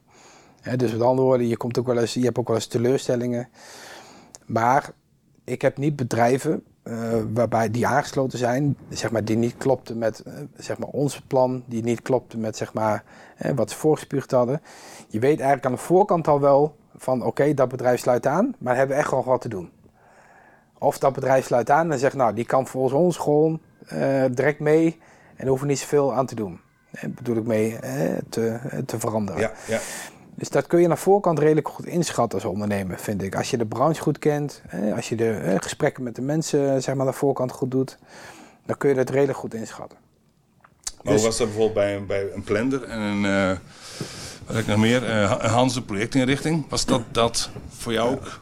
Dat is natuurlijk wel kampen, dus op zich is dat misschien ja, nog iets nou, meer ja, dat je had, de andere kant al wat kende. Dat, dat, had meer met het plan te maken dat Blender uh, heb ik in het verleden geholpen als ondernemer. En op een gegeven moment uh, toen vroeg hij mij ook van, joh, nou wil je mij eens meehelpen om, uh, zeg maar, uh, na te denken over opvolging. En toen heb ik ook de hele familie gesproken. en het hele familie gesproken bedoel ik, hè, met zijn vrouw, met de kinderen. Ja. En ook de kinderen voorgespiegeld van, oké, dit is de impact, zeg maar, als je bedrijf eventueel wil overnemen als DGA. dus verantwoordelijkheden, de competenties die je bij nodig hebt en ook de risico's. En, uiteindelijk, eh, zeg maar, die hele familie heeft toen eigenlijk besloten dat de kinderen het niet wilden overnemen als DGA. En zeg maar, dat zeg maar, ook gesproken werd over waar ze dan wel goed in zijn en wat ze leuk vinden. Ja. dus dat was voor die hele familie een proces. Maar goed, uiteindelijk was dat zover. En toen zei hij van, ja Frans, dat is mooi, ja, zei die Arie En ik zei, maar nu dan? ja, toen heb ik gezegd, weet je, dan gaan we gewoon samen. Want hij heeft echt wel nog een uitdaging binnen zijn bedrijf. Het was een schilder en totaalonderhoud. Dus joh, daar stap ik uh, ook uh, erbij in, uh, als zijn mede-aandeelhouder. En dan gaan we het samen uitbouwen. En in die weg zorgen we ervoor dat we in ieder geval een mooi bedrijf dan weer neerzetten. En dat we het weer goed kunnen doorgeven aan de volgende generatie. Nou, dat hebben we zo gedaan. Hè? Dus zo is dat gegaan. En uiteindelijk heb ik ook ontdekt dat, um, um, zeg maar dat wij waren ook als installatie bij best wel veel bezig met kantoorrenovaties. En toen zag ik dat wij een onderdeel waren van hè, een bouwteam. En toen zag ik ook wel dat er heel veel misging. Hè, met, met de samenwerking in dat bouwteam. En toen dacht ik van ja, weet je, als je het heel goed wil doen, moet je gewoon zelf opbouwen. Toen heb ik een concept bedacht hè, dat we eigenlijk binnen de VDK-groep ook nog drie andere afdelingen hebben. In dit geval drie bedrijven. Waarbij je dus een kantoorinnovatie eigenlijk zelfstandig kunt doen. Hè, dus in dit geval uh, schilderen en uh, totaalonderhoud. Nou, we hebben dan een afbouwbedrijf en we hebben een inrichtingsbedrijf. Hè, dus handels- en projectinrichting, afbouwcombinatie Zwolle en plannen totaalonderhoud. En alle installatie bij hebben. Nou, met die groep kun je eigenlijk zelfstandig een hele kantoorinnovatie doen. Dus met dat ik Blender geholpen had, ja. had ik ook een gedachte van oké, dit is wel iets wat zou kunnen passen. Dat je een hele uh, zeg maar nieuwe markt aan boord. Dat je turnkey een hele kantoorinnovatie kunt oppakken. Is dan ook dat je op het moment dat het bedrijfsoverstijgend is, dat je dan wel de leiding wat meer naar boven toe haalt? Of hè, naar holdingniveau haalt? Of is altijd bijvoorbeeld de installatietechniek leidend? Of is altijd de projectinrichter uh, leidend? Of is dat klantafhankelijk? Nou, wat wij doen is dat wij. Um, kijk, uiteindelijk, als je uh, over kantoorinnovaties hebt, dan moet altijd iemand zeg maar, eh, de leiding pakken. Nou, en dat, dat betekent dat eh, in dit geval leggen bij de afbouwcombinatie, die eigenlijk uh, de projectleiding doet van die projecten, Ja. waarbij we zeg maar, al die bedrijven erbij betrekken in een projectteam. Zo moet je het zien. En daarnaast hè, heb je twee dingen. We hebben dus een hele democratie vastgelegd van wie doet wat. We hebben duidelijk het proces vastgelegd, het offerte-traject, welke taken en verantwoordelijkheden er zijn. Hè? Wie doet wat? Wie pakt het commerciële traject op? Wie het uitvoeringstraject? Ja. Dus dat hebben we vastgelegd. Dus het ene soort uh, geoliede machine geworden. Uh, waarbij de samenwerking onderling heel goed is. Waardoor je, waardoor je dus kwaliteit levert, uh, maar ook binnen de gestelde tijd dingen oplevert. Maar um, wat, we, wat we daarmee doen, is dat koppelen aan al die zakelijke klanten die we hebben. Kijk, onze basiswaardestrategie is custom intimacy. Dus wij doen alles voor de klant. Maar we hebben wel ongeveer 6000 zakelijke klanten in Noordoost-Nederland. Dus dat concept wat we bedacht hebben, koppelen aan die klanten. He, dus dat is zeg maar um, hoe we dat concept in de markt zetten. Ja. Komt dat nou allemaal uit jouw kopie en uit jouw hart? En uit jouw onderbuik? Nou, ondernemerschap is eigenlijk gewoon kansen zien en kansen pakken. Uh, en dat, dat, dat hoeft niet te zijn dat je het allemaal zelf bedenkt, maar dat je heel goed luistert.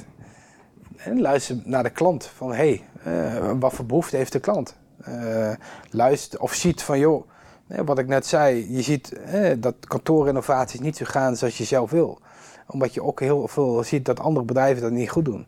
Denk ja, dan moet je het zelf gewoon doen. Dan moet je zelf een concept neerzetten Ja. met eigen mensen. Dus ik denk ondernemerschap is, zoals ik er naar kijk, is, hoeft niet altijd te zijn dat je zelf producten bedenkt. Of zelf, je moet gewoon kansen zien hè, en kansen pakken. Dat vind ik ondernemerschap. En nou, mijn kracht ligt ook in dat je dat vertaalt naar een, een goede structuur, een goede organisatie. Ja. Want dat is ook belangrijk. Er zijn natuurlijk heel veel mensen die goed hun vak kunnen doen, maar geen ondernemer zijn. Dus dat zie je ook verkeerd gaan. Want je moet natuurlijk niet alleen goed zijn in techniek, maar er moet ook nog wat geld verdiend worden. Er moet ook een goede structuur zijn, er moet ook een goed, goede sfeer zijn. Iedereen moet de juiste taakverdeling hebben. Dus dat hoort er ook bij. Ja. En dus als die mix goed is, dan, uh, dan, dan ben je succesvol. En in hoeverre stuur jij uh, op cijfers en in hoeverre stuur je op onderbuik? Nou, ik zeg altijd in onze vaktermen, is meten is weten. Dus uiteindelijk heb ik wel een, een control cyclus bedacht. Kijk, wij zijn natuurlijk geen uh, zeg maar speeltuin. En wij leveren een mooi product. Uh, wij leveren mooie technieken, mooie innovaties. Maar daar, natuurlijk moet er geld verdiend worden. Maar ik heb wel geleerd dat als je een goede structuur neerzet, uh, een goed businessmodel neerzet, de juiste mensen zeg maar, aan boord hebt, dan is het eindresultaat dat je geld verdient. En dat kun je alleen maar doen door ook zeg maar, uh, zeg maar uh, meten is weten. We hebben een hele planning controlcyclus, maar ook een heel dashboard opgesteld. Hè, waarbij hè, als de bedrijven aanhaken, hè, dan richten we dat ook op die manier in. Dat je ook vanuit hè, mijn rol gewoon dagelijks kunt zien hoe het gaat overal. Ja. Hoe lopen de projecten? Hè? Hoe loop je hè, kaststromen? Hoe loop je hè, debiteuren, crediteuren? Uh, hoe loop je zeg maar? Hè? Elke maand maken we ook gewoon de verliezenwinst op.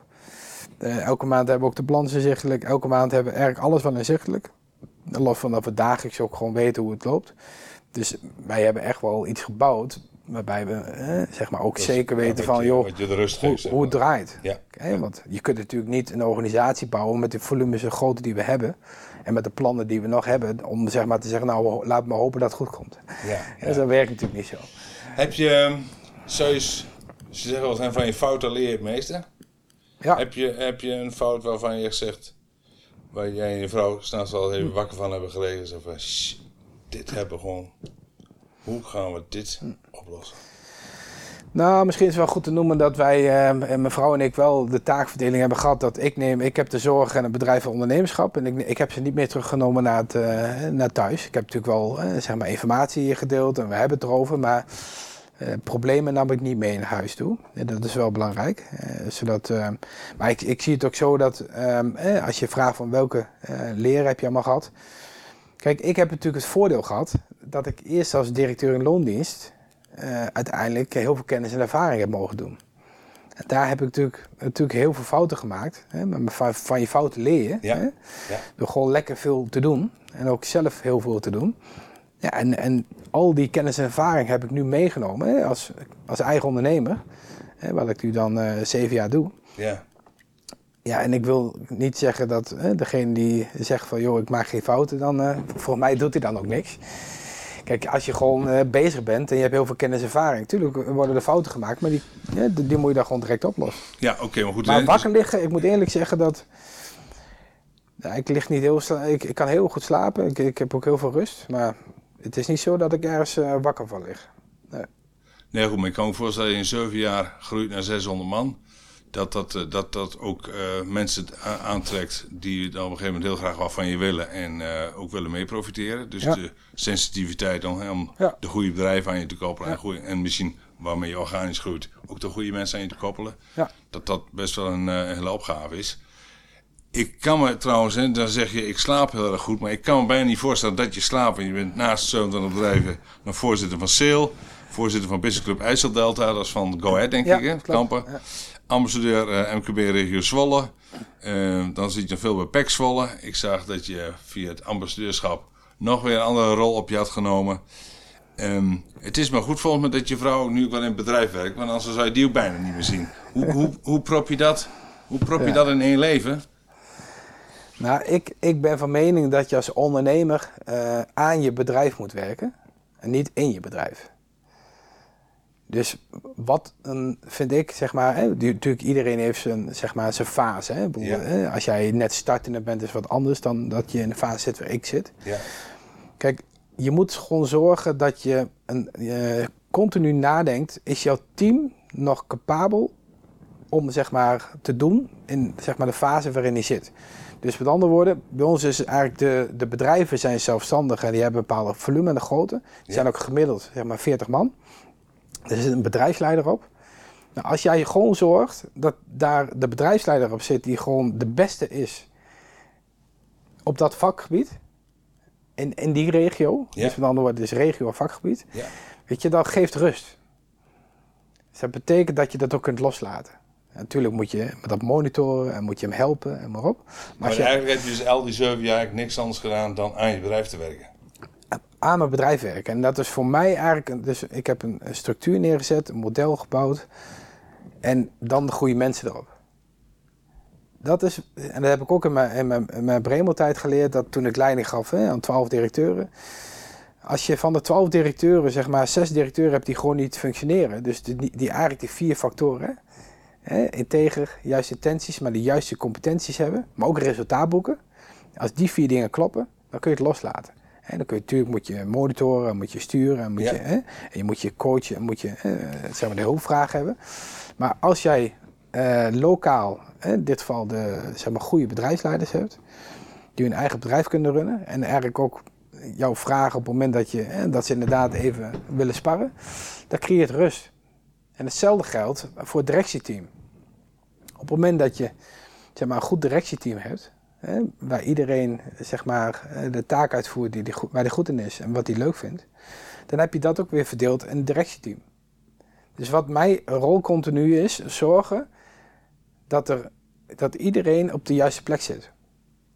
En daar ligt ook wel een beetje mijn kracht. Ik kan heel goed een team bouwen. Ik kan, ik kan heel goed eh, zeg maar, inschatten wat mensen wel kunnen en wat ze niet kunnen. Ja. Natuurlijk maak je daar wel eens een keer een fout. Hè. Dat, dat gebeurt altijd wel. maar in de hoofdlijnen, en dat is ook wel wat we zien, alle 23 bedrijven draaien gewoon goed. Ja, natuurlijk, de ene kan nog wel wat beter en kan nog, hè, kan nog gewoon anders. En er gebeurt wel eens een keer dat één bedrijf een jaar wat minder draait. Dat gebeurt. Maar er is rust binnen de organisatie, omdat elk bedrijf weet wat hij moet doen. Elk bedrijf heeft zijn regio, zijn specialisme. Ja. Er zit een bedrijfsleider op die gewoon de lokale ondernemer is en het gezicht van het bedrijf. En op het directieniveau hebben we de taak ook goed verdeeld. Want mijn vrouw dacht in beginsel ook van, hè, waarom zeg maar, wil je zo hard groeien en Ja. krijg je dan, word je dan niet nog drukker? Maar die, Ja, heeft, die- weet nog, maar die ik- heeft op een gegeven moment wel ont- ontdekt van oké, het is niet zo dat je meer verantwoordelijkheden hebt, dat je dan drukker hoeft te worden. Nee, van- in, in het begin zei je nog, toen je had 50 man, toen denk je nou, misschien dat ik over vijf jaar, heb ik wel verdubbeld. Nou, Ja. ik ben de zeven jaar, ik ben van, van, van 50 ben je naar 600. ja, Dat ja, is, ja. dat is, nou, kan Jan zeggen, dat is ongekend knap. Hè? Ik bedoel, en dat zal ook best best wel wat eh, zweet en tranen, misschien wel geen bloed, hè, maar eh, bij zitten, bij, waar je erheen zijn gegaan. Je zei net, hè, rentmeesterschap, opvolging. Ja. Heb je een van de kinderen die zegt van, nou papa, ik, ik, wil, wel, ik wil wel ondernemer worden? Nee, ik, ehm, kijk, de, ja, de luisteraars zien het niet, maar daar is een foto van mijn kinderen. Die zijn 6, 11 en 13. Dus die denken er überhaupt niet over na. Ja, maar je bent 46 op zich. Nee, maar ik, ik, noemde het net al even. Ik vind dat je uh, het bedrijf moet doorgeven aan degene die daar op dat moment weer uh, geschikt voor is.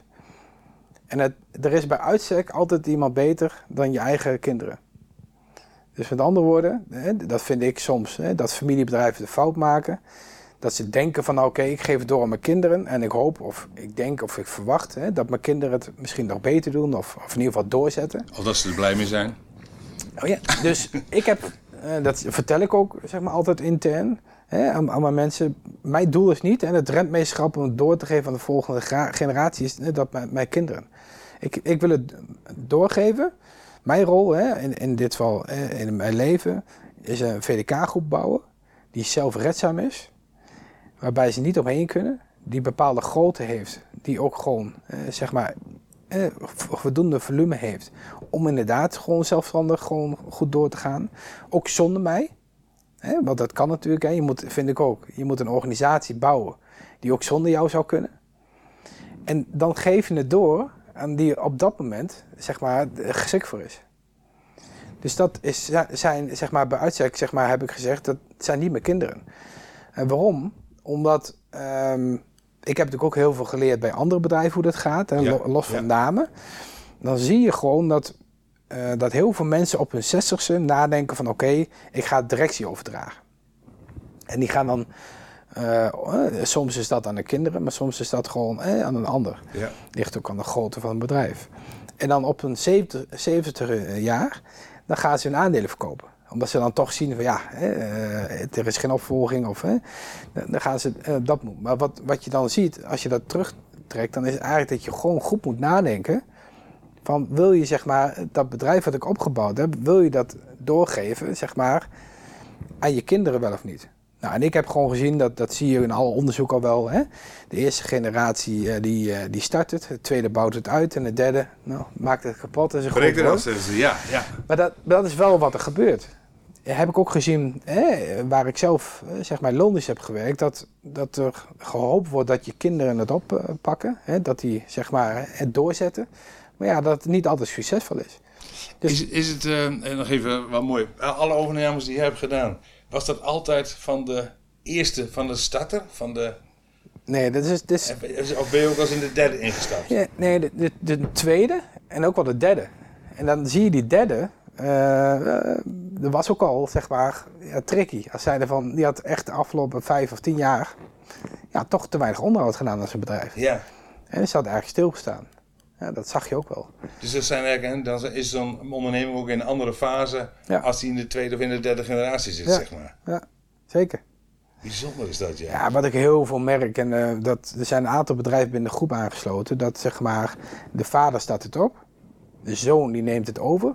Of die, die moet het overnemen omdat zijn vader overlijdt. Of dat, hè, dat van, nou, hè, wordt geacht, hè? Wordt geacht te doen. En dan zie je gewoon dat zo'n zo'n zoon, hè, ook door status, imago, door hè, familie... Ja, dat hij dan tien jaar lang gewoon aan het zweten is en, en aan het ploeteren is. En dat, het eigenlijk, dat hij het gewoon niet kan.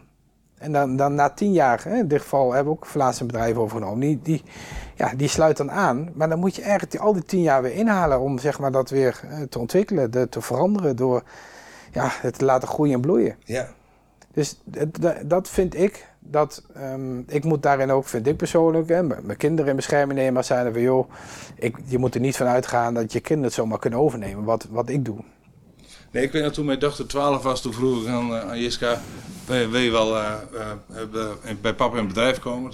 Toen zegt ze, ja, dat wil ik wel, maar dan wil ik wel de baas zijn. Toen zei ik, nou, daar komt niks van in. Ja, ja, ja, dat gaan we niet doen. Dan begin maar voor jezelf. Dus uiteindelijk is ze geen ondernemer geworden. Maar, nee, maar als mijn kinderen ondernemer zouden willen worden, dan moeten ze dat vooral doen, zometeen. Hè, over een jaar of tien of, of, of twintig. Maar dat, dat moeten ze doen op datgene waar hun goed in zijn en waar hun, wat hun leuk vinden. En of het nou een marketingbedrijf is, of dat nou de andere timmerman of wat er wil worden. Uiteindelijk moet dat niet zo zijn, doordat zeg maar, ik vanuit mijn eh, vader zeg van jullie moeten dit bedrijf overnemen. Ik bedoel, het zou kunnen dat een van je kinderen het wel zou kunnen, maar dat, dat, nou, dat zie je op dat moment natuurlijk wel. Op de, ja, maar als je het kan, dan, dan, is er op dat moment wel weer wat anders. Eh, waar de, waar, wat zijn rol in de maatschappij is. Ja. Dus. Ja. Ehm, nou, Frans, ik heb um, heel veel, we hebben wel heel veel geleerd. Ik zag nog in mijn persoonlijke kracht liggen het organiseren van organisatiestructuur en mensen met elkaar te verbinden. Nou, dat is wel duidelijk geworden als je hele verhaal hm. dat dat zo is. Nou, ze hebben een met toekomst, hè? dus rentmeesterschap. Hoe, ja. Waar staat je was een hele slechte voorspeller, want je zei toen ja, ja, over vijf jaar verdubbeld. Nou, voorspellen, daar kun je niks van. Nee. Maar heb je een, heb je een droom waar VDK ja, 2025 staat? Ja, zeker. Nou, niet alleen een droom, dat hebben we ook verwerkt in een plan. Dus uh, ik ben echt van overtuigd dat het model wat wij hebben, dat dat uh, goed werkt. Dat de bedrijven die aansluiten bij de groep, dat, die nog, dat het nog leuker wordt. En, en dat ze nog gelukkiger zijn binnen de groep. En nog meer continuïteit en nog beter kunnen draaien. Of meer synergie, of hoeft dat niet Ja, synergie zeker. Ja? Ja, ja? Dat je heel veel ziet, is heel veel kruisbestuiving uh, tussen alle bedrijven. Je ziet heel veel samenwerking binnen bedrijven. Kijk, als de ene loodgieterswerk doet in uh, Twente en we hebben een koelbedrijf in de regio, uh, dan kan die ene klant ook zeg maar die twee producten gebruiken.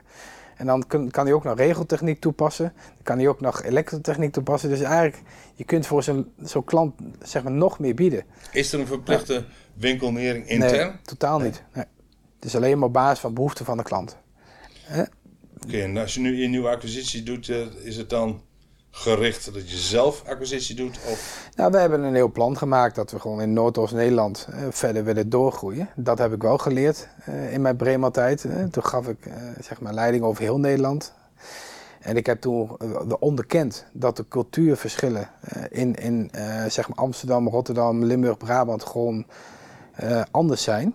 dus de cultuur in die zin heeft niks te maken met goed of slecht. Het heeft gewoon te maken wat het beste bij jou past en het beste bij jouw arbeidsethos. En toen heb ik gezegd, als ik een groep bouw, dan bouw ik hem in Noordoost-Nederland. Dus dat is mijn regio waar ik zeg maar opereer. En dan heb je het over Overijssel, Gelderland, Drenthe, Groningen, Friesland en Flevoland? Ja, nou Flevoland en Noordoostpolder. Want Lelystad, Almere is ook alweer de cultuur van Amsterdam. Hè, dus dat is een andere cultuur. Hè, dus, uh, Dront hoort wel bij de regio Zwolle, hè? Dronten, dus, ja. ja. nee, klopt. Maar Dront is ook wel weer, uh, zeg maar, wat bij onze arbeidszetels past. Dus dat, dat klopt. Ja. De, maar en als je dan die regio pakt, hebben we echt wel een plan. zeg maar, we zitten nu ongeveer op zeg maar 85 miljoen omzet. Nou, we willen echt wel, zeg maar, schrik niet, maar echt wel naar de 300 miljoen of meer. Hè, dat, is, dat is een plan. Daar zijn we nu onderliggend hebben we ook wel, zeg maar, de strategie voor bedacht. En ik, ik denk ook wel dat dat, zeg maar, gaat lukken. Ja. Zeg maar. En ja, jij zei ook van ik kan slecht voorspellen. nee, maar, als je een plan hebt, is het wat anders. Ja. ja. Maar het grappige is dat uh, elk plan wat ik overal neergelegd heb, hè, of het nou financieren is die het wil financieren, bijvoorbeeld de Raadbank, die zei altijd tegen mij, Frans, joh, het is allemaal hartstikke leuk, maar we zitten in 2012, we, we zitten nog in de, in de recessie. Uh, de marktvoorspellingen zijn nog niet goed voor jou dat ga je toch niet. Nee? En dan ga jij vertellen dat jij gaat verdubbelen hè? binnen zeg maar vijf jaar. Ja. Dat, dat, dat geloven we niet. Nou, uiteindelijk wat, is dat plan nog beter eh, dus, zeg maar, geworden. Dus um, ja, ik geloof echt in een plan hebben. Ik zeg altijd, winnaars hebben een plan, verliezers een excuus. Ja. En dat vind ik echt wel een motto, dat past ook wel bij ons. We hebben echt een plan en eh, we gaan er gewoon voor. En uh, ja, dat geeft ook wel weer een bepaalde dynamiek in je organisatie. een bepaalde, laten we zo zeggen, uh, ja, als er iets gebeurt binnen een bedrijf, dan is mensen, zijn er ook wel trots op en willen er ook wel bij horen. dat, dat is ook wel een onderdeel van het plan. Ja, en als je dan zegt die 300, is dat dan allemaal installatietechniek gericht? Of zeg je dat is dan ook, ja. ook bouw, afbouw? Dus het, uh... Nee, voornamelijk installatietechniek, ja. Kijk, we hebben in principe nu drie bedrijven die een andere techniek hebben. Die, die eh, zeg maar, hebben we erbij omdat we zeg maar, het totaalpakket willen Ja. bieden. Maar daar hoeven we niet eh, heel veel meer van te hebben. Het zou kunnen als er iets voorbij komt, maar de hoofdmoot zal installatietechniek zijn. Als je nou wel een keer buikpijn zou hebben, eh, heb je dan, ehm bespreek je die dan met je vrouw of met, spreek je die met het directieteam? Of heb je ook nog een, een coach of een mentor die, die zo af en toe eens even zegt van nou, een hulplijntje? Nou, ik vind eh, dat je problemen moet bespreken met eh, de mensen die er invloed op hebben. En de mensen, zeg maar, anderzijds, zeg maar, eh, dat je met mensen moet bespreken problemen die, die daar ook kennis en ervaring mee hebben. Dus ik heb in mijn scheervoorpartij had ik ook wel een, zeg maar een coach, een oude zeg maar ondernemer, DGA. ik heb nu als ondernemer heb ik heel veel zeg maar, netwerken, heel veel collega-ondernemers. En ik vind dat, dat je de problemen moet bespreken, of de uitdagingen die je hebt. Ik zie het nooit echt als probleem, dus meer een uitdaging, hoe los ik hem op? Die moet je bespreken met degene die daar kennis en ervaring mee hebben. Kijk, ik kan natuurlijk, een, een, bijvoorbeeld stel nou, hè, we willen een bedrijf overnemen en ik wil er met iemand over sparren. Ja, dan moet ik niet met, met een monteur van ons daarover gaan sparren. Nee, nee, Dat is natuurlijk onzin. nee. Maar goed, Dan moet je maar gaan sparren met iemand die daar kennis en ervaring mee heeft in je netwerk. Maar goed, laten we eerlijk zijn, zoveel ondernemers zijn er niet die eh 27 bedrijven hebben en 600 man hebben. Eh, in, in, zeker in installatietechniek. Eh, dus de spoeling wordt natuurlijk wel steeds dunner. Ik denk dat jij waarschijnlijk vaker gebeld wordt. Al, eh, wil je mijn mentor zijn? Dan dat, je misschien zelf mensen zou kunnen vinden. Nou ja, kijk, ook op, op dat niveau, op elk, elk niveau, ehm, wordt misschien de spoeling dunner, maar ze zijn er nog wel. Hè? En ehm, ik heb natuurlijk een, eh, een leermeester gehad, eh, Rijn Breeman, die uiteindelijk een organisatie opgebouwd heeft van 2000 man. In dit geval eh, was het ongeveer 36 bedrijven. En daar heb ik heel veel van geleerd. Ik zie echt wel in mijn omgeving bedrijven die hetzelfde doen, zeg maar, of hetzelfde, maar in ieder geval een beetje vergelijkbaar met wat ik doe. En die moet je gewoon opzoeken.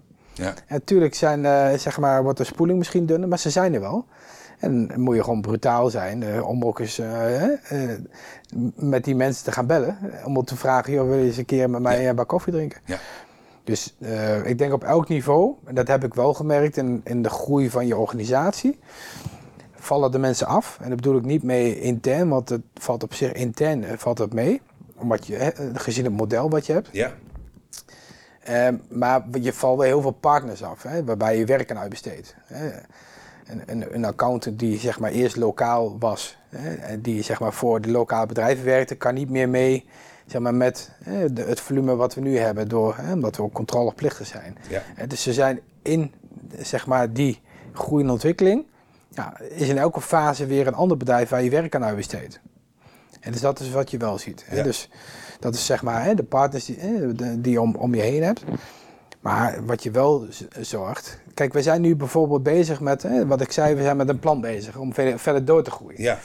Wat ik dan doe als ondernemer, ik ben alweer op zoek, op zoek naar een directielid, of misschien wel twee, die dat al een keer gedaan hebben. Dus dat is mijn rol. Ja. Ik, ben, ik zorg ervoor dat het team weer aangevuld wordt Ja. met iemand die die kennis en ervaring heeft Ja. om dat weer te doen. ja, ja. Nou, dat is de rol van ondernemer, zoals ik het zie. Dus, dus je moet je kansen zien, een plan hebben, kansen pakken, eh goede structuur neerzetten en dan de juiste mensen. Je moet een goed team bouwen. Nou, mooi. Ik, Ja. eh, we gaan naar de laatste vraag eh, aan jou. En dat is, voor zover die er al is, hè, maar graag die van jou. Wat zou jouw ultieme tip aan andere DGA's zijn? Nou, de ultieme tip is echt eerst bij jezelf nagaan wat jij leuk vindt en waar jij goed in bent. Op het moment dat je dat, zeg maar, onderkent en vastgesteld hebt voor jezelf, en dat je dat met passie gaat doen, ja, dan, dan zijn, eh, is alles grenzeloos. En dat is echt, ga bij jezelf na waar jij goed in bent, wat jij leuk vindt. Want Sommigen zeggen ook wel eens tegen mij van, joh, eh, zou ik dat ook niet kunnen wat jij doet? Ik zeg, dan moet je, dat is helemaal niet een vergelijking. Want jij, als jij goed bent in een klein bedrijf runnen eh, en je wordt daar gelukkig van, dan moet je dat gewoon doen. Ja. Je moet niet dan gaan opkijken naar mij of, of je moet niet denken van dat wil ik ook. Eerst begint bij jezelf. Als je er zelf goed in bent en leuk vindt, hè, dan, dan, zijn, dan is het grenzeloos. Nou, mooi. Dankjewel Frans. Ja, graag gedaan. En dan zijn we nu aangekomen aan het einde van deze podcast voor DGA's. Wil je regelmatig geïnspireerd worden door de verhalen van andere DGA's? Abonneer je dan op deze podcast. Ben je DGA en wil je wel eens verder praten over de onderwerpen die je gehoord hebt? Dan maak ik graag een afspraak met je. Je weet mij vast wel te vinden. Voor nu zeg ik, ik wens je nog een fijne dag. Hoi.